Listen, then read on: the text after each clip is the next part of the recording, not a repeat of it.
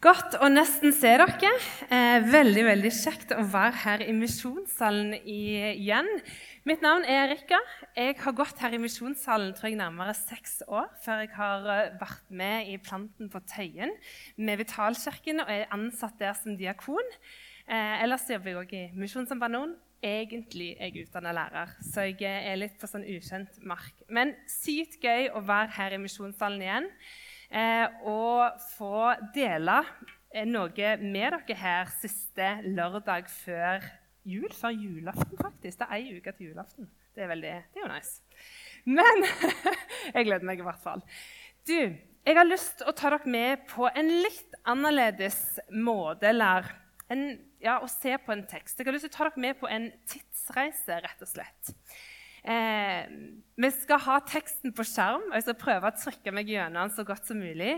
Men jeg vil utvide litt. Jeg vil eh, åpne opp rommet litt og kanskje se på hvordan det kanskje kan ha sett ut. Hvordan det kanskje kan ha føltes. Eh, men ordene fra Bibelen skal stå på teksten eh, på skjermen, bare så dere vet det. Så jeg håper du sitter godt at du er klar til å bli med noen ekstra minutter. Det er en lang tekst. Det er henta fra første kapittel i Lukas.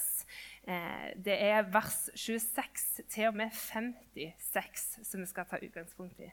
Så vær klar til en litt lengre bit, både i Bibelen, men òg i en fortelling. Så vi skal tilbake ca. 2000 år til en eh, landsby nærmere bestemt Nasaret, og inn til ei ung jente sitt liv. Og dette er hvordan det kunne ha opplevdes og sett ut.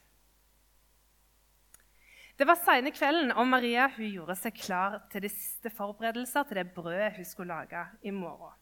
Hun hadde allerede tatt på seg nattkjortelen og skulle nå til å gå og legge seg på den matta hun hadde gjort klart med både halm og vevde tepper. Da hun hadde lagt seg ned, eh, så lå hun og så på den flakkende oljelampen sin som sto ved siden av senga, og ble fascinert over hvordan flammen flakka frem og tilbake. Selv om det var ingen vind inne på rommet, så var det som om flammen var enda mer levende i kveld enn andre kvelder. Hun begynte å tenke på det treffet hun hadde hatt sammen med de to venninnene sine tidligere på dagen, der de hadde samla seg rundt skriftrullene. De hadde lest i salme den siste tida, og de hadde prøvd å lære seg noen av versene utenat. Og selv om de ikke forsto alt, så hadde hun lært av mora si at det var godt å grunne på Guds ord, og at det var til stor nytte og til stor hjelp. I tillegg hadde de snakket om de guttene de hadde møtt tidligere i synagogene, og det er faktum at Maria faktisk var forlova med Josef.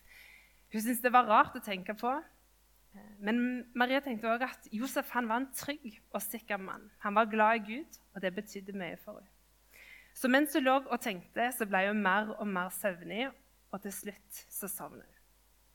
Men plutselig, ut av nærmest ingenting, så ble rommet helt opplyst. Og I et millisekund satte panikken seg i henne. Hadde hun glemt å slukke lampen? Hadde, hadde det satt fyr i matta? Men før hun rakk å sjekke det, hørte hun en kraftfull, varm og tydelig stemme si Vær hilsa, du som har fått nåde. Herren er med deg. Maria måtte lene seg inntil veggen bak seg mens tusen og én tanker fløy gjennom hodet. Hvem var dette, og hva var dette? Dette lysende vesenet, kunne det være en engel? Og hva med denne hilsenen? Det minte skremmende mye på en hilsen hun hadde lest at mange før henne hadde fått. En hilsen som de store forfedrene og profetene som Moses, Isak, Jakob og Jesaja hadde fått når Gud hadde kalt dem til tjeneste. Og nå var det hun som hadde hørt disse ordene. Vær hilset, du som har fått nåde. Herren er med deg. Hun må nok ha sett lettere skremt ut, for videre talte stemmen frykt. Ikke Maria, for du har funnet nåde hos Gud.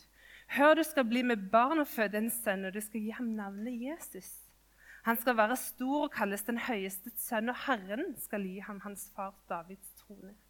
Han skal være konge over Jakobs hus til evig tid og det skal ikke være ende på hans kongedømme. Maria var i sjokk. Dette var et stort budskap å ta inn over seg, og hun kjente at det satt mange spørsmål inne. Hvordan var dette mulig? Hun, ei fattig, ukjent jente fra Nasaret, hadde funnet nåde hos Gud. Og sa engelen noe om at det skulle bli med barn, Guds sønn. Men før hun rakk å komme noe lenger i tankerekkene, så hørte hun seg selv stille det kanskje mest rasjonelle spørsmålet i denne situasjonen. Hvordan skal dette kunne gå eller skje når jeg ikke har vært sammen med en mann, sier Maria. Og da svarte engelen, Den hellige ånd skal komme over deg, og den høyestes kraft skal overskygge deg. Derfor skal barnet som blir født, være hellig og kalles Guds sønn. Og hør, din slektning Elisabeth venter en sønn, hun også. På sine gamle dager. Hun som de sa ikke kunne få barn, er allerede i sjette måned. For ingenting er umulig for Gud. Idet Maria hørte disse ordene, ble hun fulgt med en underlig fred. Hun hadde fortsatt mange spørsmål, men tiden for de var ikke her og nå. Hvis Gud hadde sendt denne engelen til henne og gitt henne dette oppdraget fordi hun hadde funnet nåde hos Gud, så var det det eneste hun kunne holde seg til, at ingenting er umulig for han, og hun kunne stole på at Herren var med henne. Hun kjente at det banka i brystet, hun kjente seg liten og redd, men hun hørte seg sjøl svare overraskende rolig. Se, jeg er Herrens tjenestekvinne. La det skje med meg som du har sagt. Og Før hun rakk å si noe mer eller stille flere oppfølgingsspørsmål, så var lyset og stemmen borte. Og nå var det bare hun og den lille lysende oljelampen igjen på rommet. De neste dagene så følte Maria seg litt ufokusert. Hun grunna mye på denne nattesopplevelsen og kunne nesten ikke forstå noe annet enn at det hadde vært en engel som hadde vært hos henne. Tenk at hun nå ba på Guds liv i magen. Det var ingen som kunne se det, heller ingen som visste noe om det, men hun kjente et djupt behov for å snakke med noen om dette. Og Hun mintes da at engelen hadde nevnt noe med Elisabeth, kona til Zakaria, som var prest i tempelet i Jerusalem at også hun hadde blitt med barn på sine eldre dager. Tenk, de som hadde ønska seg et barn så lenge, skulle nå få det. Og Det tok ikke mange minuttene før denne tanken hadde slått rot, før hun handla. Nå skulle hun til Elisabeth. Og Etter en lengre reise så var det godt å komme fram. Veien mellom landsbyen Nasaret og den hellige storbyen Jerusalem var ikke til å skryte av. Men Maria var glad for å få komme frem og banka lett på dørkarmen og trådde inn i huset til Zakaria og Elisabeth og ropte etter Elisabeth. Og Elisabeth, som satt lenger inne i huset, kjente det livna til i magen sin. Barnet det sparka fra seg som aldri før. Dette var underlig.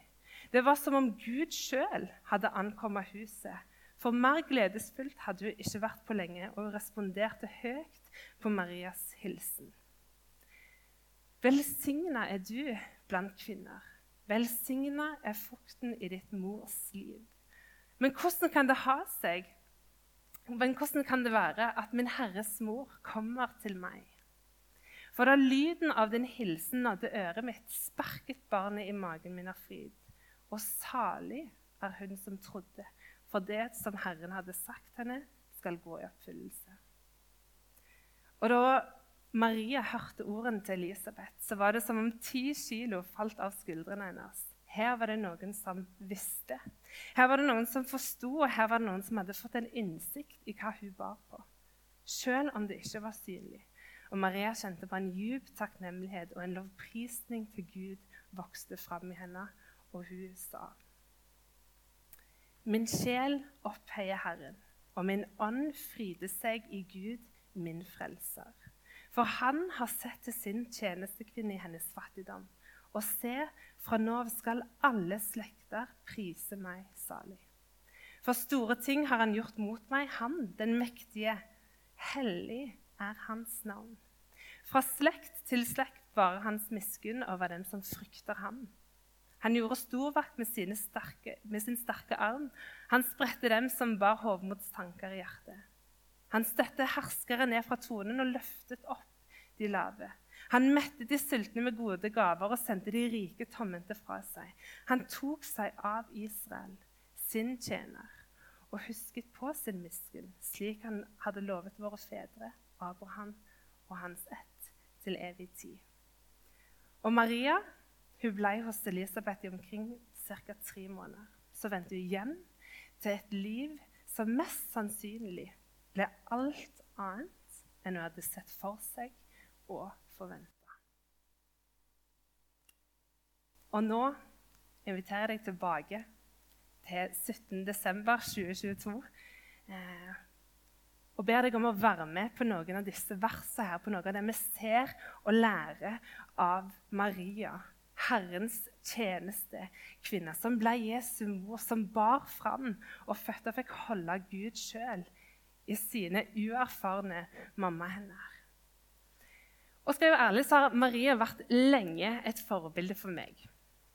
Hennes ydmykhet, hennes tillit til Gud eh, og hennes villighet Ikke bare det at hun gir en eller to timer i uka, men hun ga hele livet sitt. At kursen, retningen og innholdet skulle styres av Gud, han som er kongenes konge, og ikke hun sjøl. At hun så på det som en større glede og en større velsignelse for å være en brikke i Guds historie enn å prøve å skape sin egen historie, diktere den og lære å bære den sjøl. Og sette seg sjøl i sentrum. Og Det tror jeg er noe vi her i Vesten har fått veldig godt til. Og la det se veldig attraktivt, dette her med sjølrealisering. Sette meg sjøl i sentrum. Og det ser attraktivt ut. Det ser bra ut på Instagram. Men i det lengre løp og i det store bildet så blir det bare en evig jakt og et evig mas etter å holde opp en fasade. Fordi ting kunne alltid blitt gjort bedre eller sett bedre ut. Det virker ut for meg som Maria oppriktig ønsker å tjene Gud. Ikke fordi hun må, men fordi hun var overbevist om at det Gud hadde for henne, var så mye bedre og så mye mer til velsignelse enn det hun sjøl noen gang kunne få til. Og at det var hans vilje som var god for henne, selv om det i første omgang ikke så helt godt ut. Og den teksten vi har vært gjennom, er en sånn tekst som hvert fall jeg kan ta meg i at jeg har hørt det så sinnssykt mange ganger før. at liksom, sånn og sånn skjedde med Maria, det kom en engel, og så preller det liksom litt av. Jeg tar det ikke inn over meg. Jeg vet ikke om det gjelder deg òg, men i så fall så har jeg bare lyst til å minne deg om noen litt sånn crazy ting som faktisk skjedde her. Det kom en engel på besøk. Vi bare svelger det liksom som, som ingenting. Det gjør iallfall jeg. bare Det er en engel som kommer på besøk til Maria her. Nummer to er at du får faktisk beskjed om at Gud, den hellige, rene, den som er alfa og omega, den evige, trenige Gud, skal bli menneske. Og så hører jeg òg at ei gammel og ufruktbar kvinne er med barn. Dette er ting som jeg bare leste i teksten her nå, så mange ganger jeg tenker at ja, selvfølgelig skjedde dette. Men dette skjer faktisk. Og Det trenger iallfall jeg å ta inn over meg. Og dette er bare beder av hvordan Gud på en måte setter inn støtet inn i vår menneskes historie. Og det største av alt er jo det at Gud sjøl blir menneskeinkarnasjonen. Som har sin rot fra det latinske ordet 'karne', som betyr kjøtt. Gud blir kropp, kjøtt og blod. Han blei som oss. Og det hele starter med et møte med ei jente gjennom engelen Gabriel. Og videre nå så har jeg lyst til å løfte fram tre ting som jeg vil at du skal ta med deg hjem eller ta med deg videre eller grunne på. Og det første er Gud kommer til de minste ved å sjøl gjøre seg liten. Og dette her er sinnssykt typisk Gud. Han kommer til de minste med å sjøl gjøre seg liten. Og Det er veldig motsatt av det en ofte skulle tenke når en konge eller en populær eller den største på en måte, personen du tenker skal komme. Da skulle det sett helt annerledes ut. Det skulle vært storslått. Men Gud han kommer og snur alt på hodet. Han kommer til de fattige, skitne, de som er nederst på rangstigen. Blir født inni en stall av ei fattig ungdomsjente og blir hylla av gjetere som det ikke står navnet på engang. Og Lukas' evangeliet som vi leste fra, viser hvordan Guds gode nyheter at det er gode nyheter for alle mennesker. Nettopp fordi han kommer til de aller, aller minste. Han gjør de som er uverdige, verdig. De er villige til å ta imot Guds nåde. Og gåten med evangeliet er at han kom for de som trenger det. Ikke de som hadde status, ikke de som hadde nok. Men han kommer til de som ikke har. Og de som ser seg uverdige, som blir verdige i Gud. Og dette her òg blir Maria fletta inn i. Ei tjenestekvinne, ei ung jente som på den tida egentlig ikke hadde noen verdi inni det samfunnet hun sto i. Og vet ikke om du har lagt merke til at det er lilla lys vi tenner her i misjonssalen, kanskje hjemme i de stua òg. Og jeg synes bare Det er så kult hvordan symbolikk er noe som lever med oss i våre tradisjoner. Og jeg har bare lyst til å dele med deg at lilla er fargen til advent. Jeg har nettopp lært det, så derfor må jeg bare dele det videre. At det, Lilla det er en eh, sekundærfarge blanda av primærfarger blå og rød. Og da får du jo lilla. Og eh, rød er symbolet på jordens farge, og blå er symbolet på himmelens farge. I julen så venter vi på at himmel og jord møtes. At Gud inntok jorda og åpna veien helt hjem til Gud, helt hjem til far. Og dette er helt avgjørende for vår gjenopprettelse i relasjon til Han, som er skapt til å være i relasjon med. Og Mange ganger kan jeg tenke at Gud, hvorfor griper du ikke inn i denne ekstremt vonde verden som vi ofte ser rundt oss? Hvorfor griper du ikke inn? Og så er det akkurat det Gud gjør nå i julen. Stiger ned fra sin herlige trone, der det er eklest og lukter vondest. Blir en del av en fallen og syndig verden, sjøl uten synd eller baktanker, men dreven av en kjærlighet full av nåde og av sannhet. Gud han er handlende, og han er aktiv. Og han kommer da, og han kommer nå igjen. Og han er til stede her med sin hellige ånd. Og tenk at Gud frivillig gjorde dette. Han velger å fødes inn i begrensninger og sårbarhet. Han kunne så lett valgt og ikke kommet, ikke sant? Han kunne så lett ikke kommet og ikke blitt lik meg og deg, ikke blitt et menneske, ikke gjort seg kjent. Men han gjorde det. Fordi din og min plass i himmelen var viktige for han enn hans egen. Og Derfor ville han komme ned for å åpne opp veien igjen hjem til far. Han ble en sånn fyr som snakka vårt språk. Tok på seg sånne klær som er kanskje ikke akkurat sånne her klær, men iallfall på med skjortelen og sandalene. Han var en sånn fyr som sprang rundt, som var glad og dansa på fest. Og I tillegg så var han opprørsk og sint over urettferdighet. Han dro på fisketur med gutta. ikke sant? Han ble en sånn som oss. Sånn at vi kunne få kjenne han og se han ansikt til ansikt og ikke bli skremt.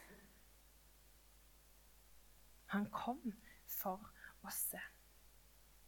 Hvis du sitter og tenker at ja, jeg vet ikke om jeg trenger Gud i livet mitt, eller er han relevant for meg egentlig, eller oh, denne her gleden eller dette evangeliet som vi snakker om i julen, det har liksom ikke inntatt meg helt. Eller kanskje jeg kjenner at jeg klarer meg egentlig veldig greit sjøl.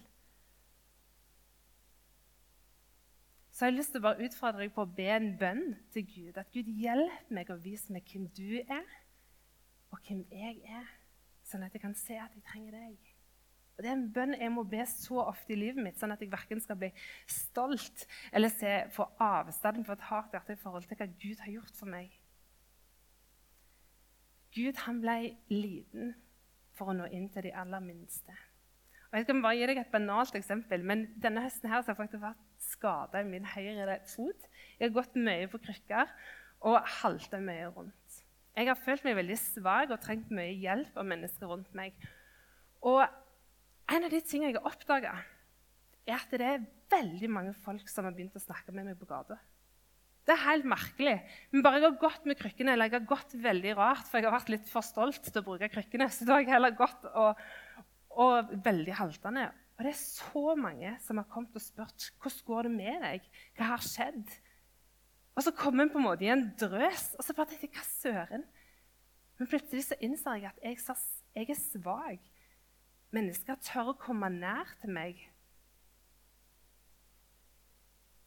Gud kommer også til de aller minste med å gjøre seg sjøl liten. Han åpner opp veien inn til de som ikke har.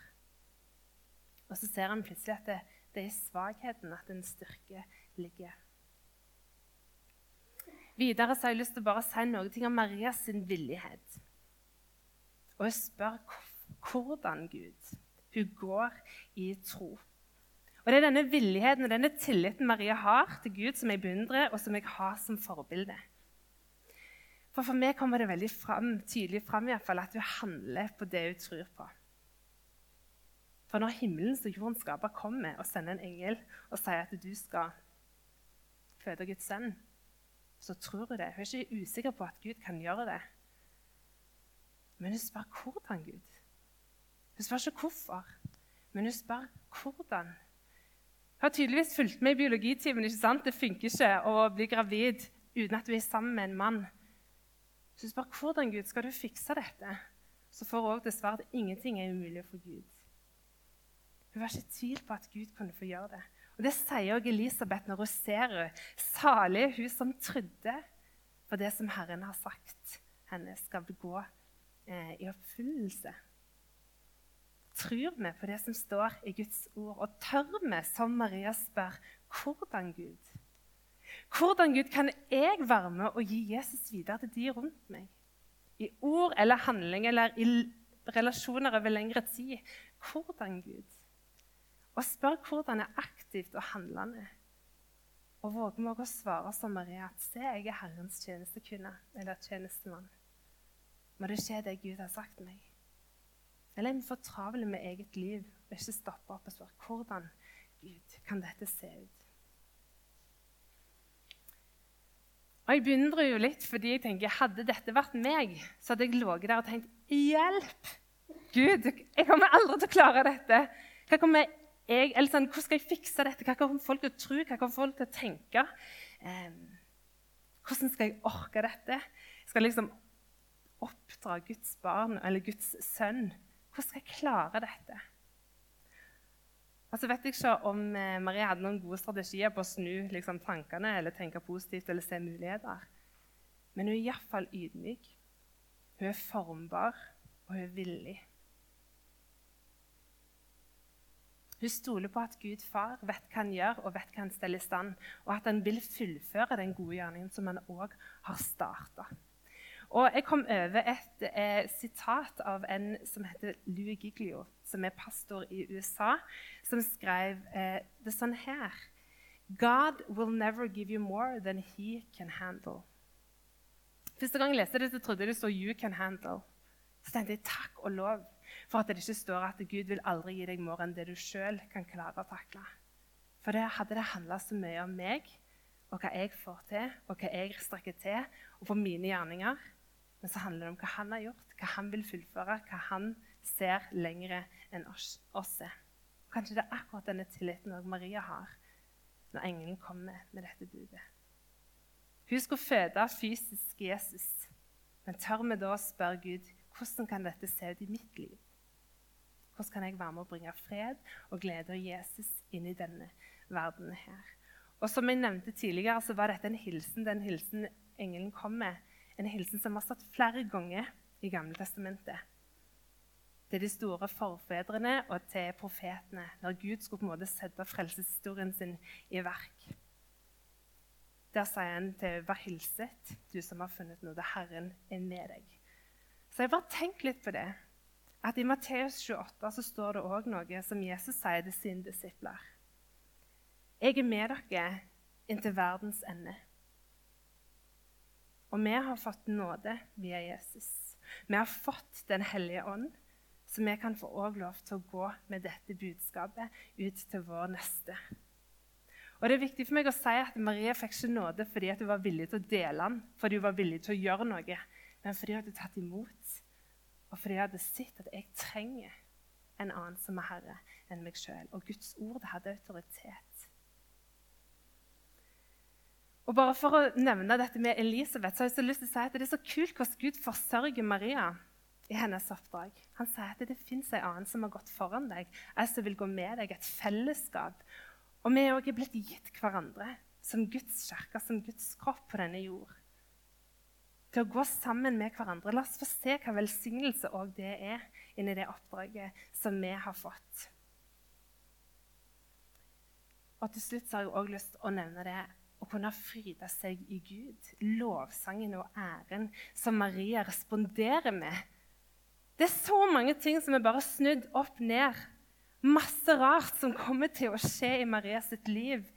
Hun er gravid utenfor ekteskapet på mange måter, iallfall i forhold til at hun er forlova med Josef. Um, men allikevel så vet du hva glede hun har fått del i. Og det gjør at du bryter ut i en lovsang. Og Denne lovsangen har så masse referanser til salmene og Gammeltestamentet. og Det viser bare oss hvordan vi kan få lov til å bruke ordet igjen og igjen som vår lovsang. At vi ikke alltid trenger å dikte opp så veldig mange fine fraser sjøl, men Gud har gitt oss det han trenger, og det, den æren vi kan få gi ham. Og sangen hun eh, synger, er heller ikke noe tale til revolusjon eller menneskelige handlinger, men det er Guds verk. Det er en allmektig Gud som støter fra seg, som tar et oppgjør med det vonde. Sender fra seg de hovmodige, men er også nådefull og tar til seg de som vil ta, ta imot Han. Og lovsang og tilbedelse, det tror jeg vi alle mennesker er skapt til. Vi vil alltid tilbe et eller annet. Um, så er da spørsmålet hvem vi tilber, hva vi tilber. Av og til tror jeg ikke vi er helt oppmerksomme på hva, hvor vår tilbedelse går hen. Og Jeg kom over et sitat av Thomas Netland, som skrev det sånn her. Tilber du kroppen din, vil du alltid føle deg stygg. Tilber du status, vil du alltid føle deg mislykka. Tilber du makt, vil du aldri bli mektig nok. Og tilber du penger, vil du aldri bli fornøyd. Tilber du Jesus, vil alle dine andre lengsler kalibreres og miste sin kraft. Din sorg og din avhengighet helbredes og slipper tak. Å tilbe er ikke valgfritt, men hva er opp til deg? Så skriver han videre at 'jeg har valgt Jesus. Han vil aldri svikte meg'. Hvor runger vår tilbedelse fra og til? Ser vi det store bildet som Maria så? Hva historie hun var satt inn i, og hvem det faktisk handler om. Og hva glede, djup, djup glede og frihet det faktisk òg ga hun. Og Bibelen gir oss et unikt perspektiv på glede. Det er en del av et DNA av oss som Guds folk. Ikke pga. de gode omstendighetene vi står i, men fordi vårt håp og vår glede er forankra i himmelen. Så på tross av våre omstendigheter så kan vi òg få lov til å glede oss. Jeg, sier ikke at vi ikke skal ta imot alle de andre følelsene, at vi ikke skal kjenne på sorg eller undertrykke savn eller smerte eller lengsel. Det er masse om det i Bibelen, og Paulus er bare ett eksempel av de. Men når vi anerkjenner det, så har vi lov gi på en måte rom for Han som er livgiver, til å komme inn. Så får vi se at det er sorgen eller skammen eller lengselen er ikke det som får det siste ordet, men gleden i Jesus. Og det håper jeg har forankra i himmelen hos Han. Og jeg tror òg det å kunne glede seg i Gud, som Maria gjør, har en bevarende effekt på oss i troen. At vi faktisk forstår hva Gud har gitt. At han ga seg sjøl for oss som vil ta imot ham. At Gud inviterer oss til glede.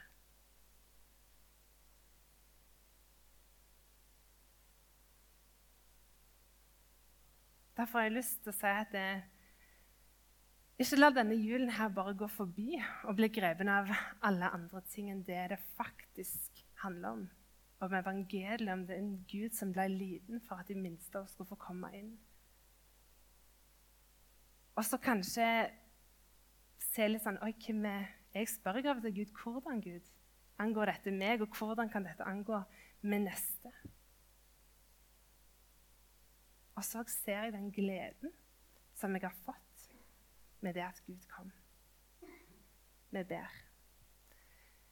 Gode himmelske Far, jeg takker deg for at du kom ene og alene for at vi skal få en gjenoppretta relasjon til deg. At du åpner veien helt hjem, helt inn. Takk for at du gjør deg kjent med Jesus. Med et ansikt og med et navn eh, og med et liv som vi aldri klarte å leve. Takk for at du gjorde deg kjent for oss, Jesus. Jeg ber Herre om at julens budskap ikke må gå oss forbi, Eh, men at vi kan få se den dype gleden som Maria òg fikk se og ta del i. At vi kan få bryte ut i en lovsang til deg, Herre. Og at all ære er din.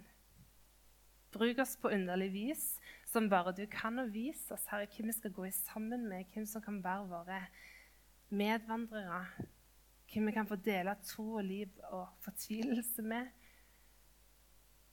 Og hjelp oss til å se det store bildet. Hvilken historie vi er en del av Eh, og at du er en god herre som vil lede oss hjem til deg. Amen.